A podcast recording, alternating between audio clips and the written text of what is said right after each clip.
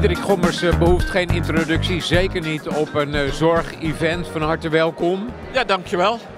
Uh, stel je voor, ik geef je een ongelofelijke zak geld en ik geef je een ongelofelijke hoeveelheid macht. En je mag alles veranderen als het gaat om IC en data en digitalisering, wat je wilt.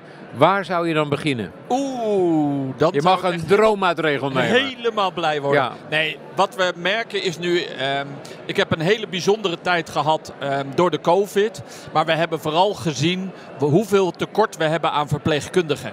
En we doen dit werk al 25 jaar op een bepaalde manier. En ik denk echt dat nu het momentum is om het te veranderen. Dus wat ik graag zou willen doen met die verpleegkundigen en die artsen naar de werkvloer.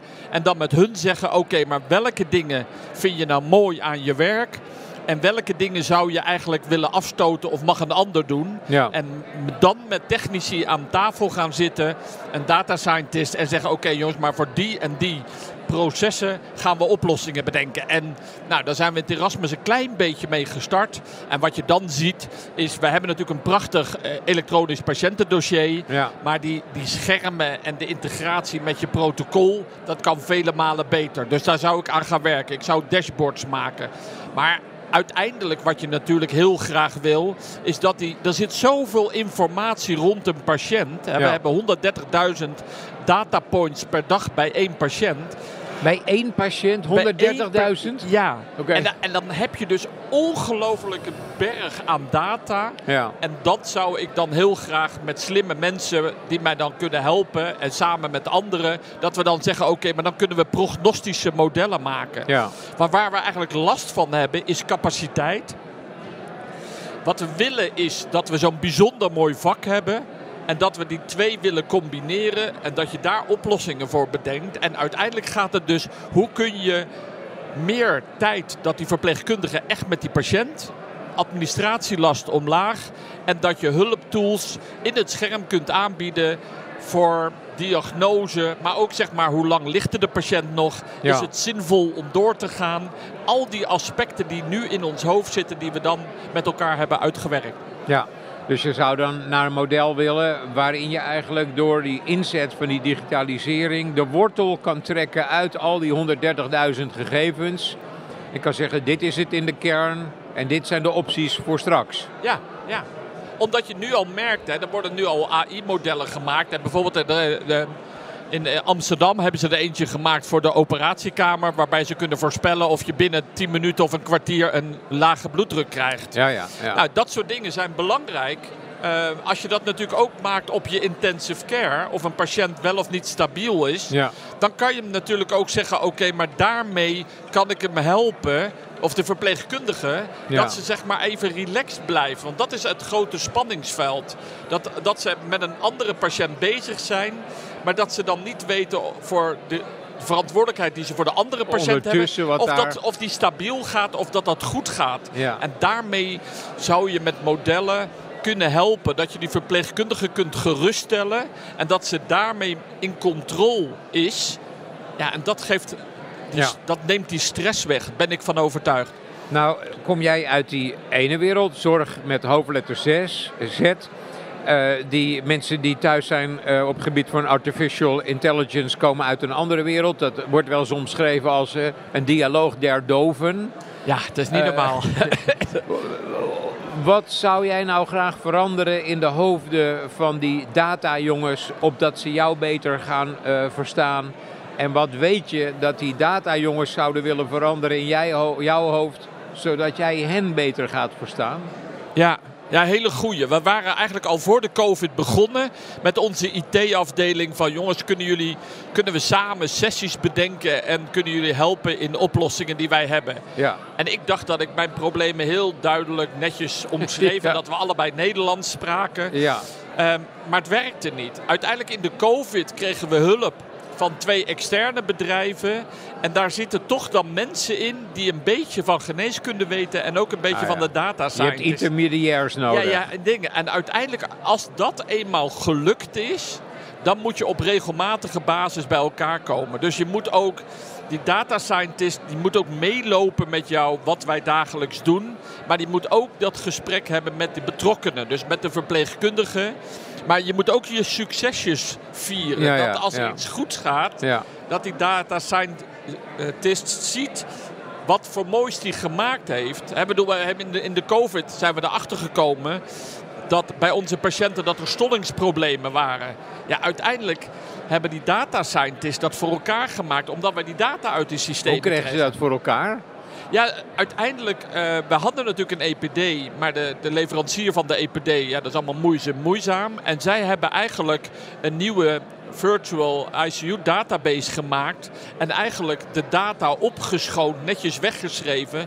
Zodat wij als dokters eenvoudige vragen konden stellen. Wat gebeurt er met onze patiënten? En daardoor kwamen bepaalde parameters naar boven. In dit geval de afbraakproducten van stolsels. Ja, toen zeiden wij van ja, maar wacht eens even. Dan moet die COVID-patiënt ah, toch veel meer stolsels hebben dan wij dachten. Uh, als je in de journalistiek uh, een mooi voorbeeld wil vinden, dan zou je eens kunnen kijken naar de New York Times. Uh, je gaat in principe minder snel naar, laten we zeggen, een krant in Bolivia, die inspirerend zou kunnen zijn.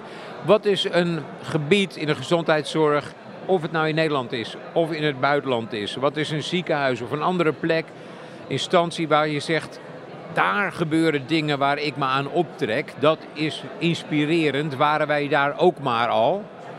Nou ja, kijk, de, ik, ik, niet speciaal, maar je ziet bijvoorbeeld in Amerika, daar heb je conglomeraten van ziekenhuizen. En daar zie je dat zo'n directies heel veel investeren in innovatie. Maar vooral in systemen die de logistiek verbeteren. Ja. En, en logistiek zijn we in Nederland hartstikke goed in.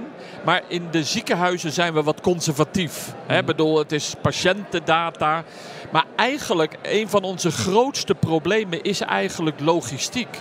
Hoe plan je het met beperkt aantal personeel wat er op dit moment beschikbaar is. Hoe kan je dan optimaal gebruik maken van je OK-complex, van je beddenhuis, van je IC, van je radiologie.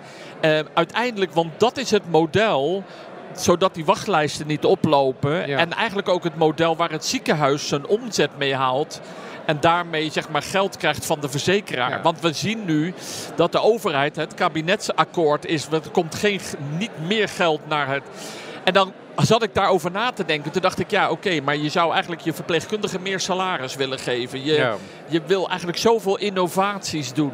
Maar als dat niet meer geld komt, ja, dan kan dat eigenlijk niet. En dus moeten we efficiënter. efficiënter gaan werken. Zonder dat iedereen gelijk weer het gevoel heeft dat er een bezuiniging komt. Hè? Want dat is vaak bij verpleegkundigen als ze niet mee mogen denken en niet mee aan tafel zitten. Dan zeggen ze, ja, zie je wel, het is allemaal efficiënter, zodat wij meer moeten doen uh, en minder geld krijgen. Dat, dat moet, die weg moeten we niet inslaan. Heel plat vertaald naar een garage. Niemand wil dat de brug in die garage uh, een halve middag lang onbenut blijft. Terwijl er heel veel auto's voor de deur staan te wachten. Hè? Ja, ja. Dat is uh, wat je in zo'n ziekenhuis in feite met patiënten ook niet wil. Dat een OK een half uur of een uur onbenut is. Terwijl... Ja, kijk, zo klein is nog dingen. Maar bijvoorbeeld in Amerika hebben ze nu dus zeg maar command centers gebouwd. Zoals command centers, alsof het een, een legeroperatie ja, nee, is. heel mooi. Ik bedoel, ik ga dadelijk een filmpje laten zien.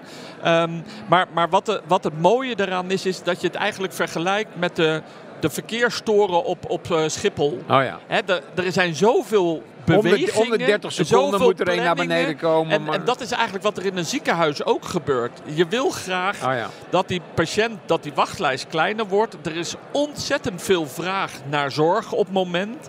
Ja, we weten waar de bottlenecks zitten. Nou, dat is verpleegkundig. Heel veel. Nou, hoe kan je het zo goed organiseren met elkaar? En hoe kun je dan ook voorspellen... Ja hoe lang een patiënt ligt. Hoe kan je met data ook sneller op het spoor komen dat je niet te veel bijwerkingen krijgt, want dan ligt een patiënt langer. Nou, al die combinaties in zo'n command toren, ja, center, ja, dat is echt. Daar, daar, daar, daar, in Amerika hebben ze daar prachtig prachtige modellen. Daar moeten wij ook naar Nederland halen. Het is wel een spannende vergelijking met Schiphol. Uh, op een dag dat het weer een puinhoop is op Schiphol. Dat je zegt, we, we moeten die verkeerstoren in Schiphol als metafoor nemen, als voorbeeld. Daar gaat lang niet altijd alles goed. Laten we het maar houden bij die vergelijking met Amerika. Oké?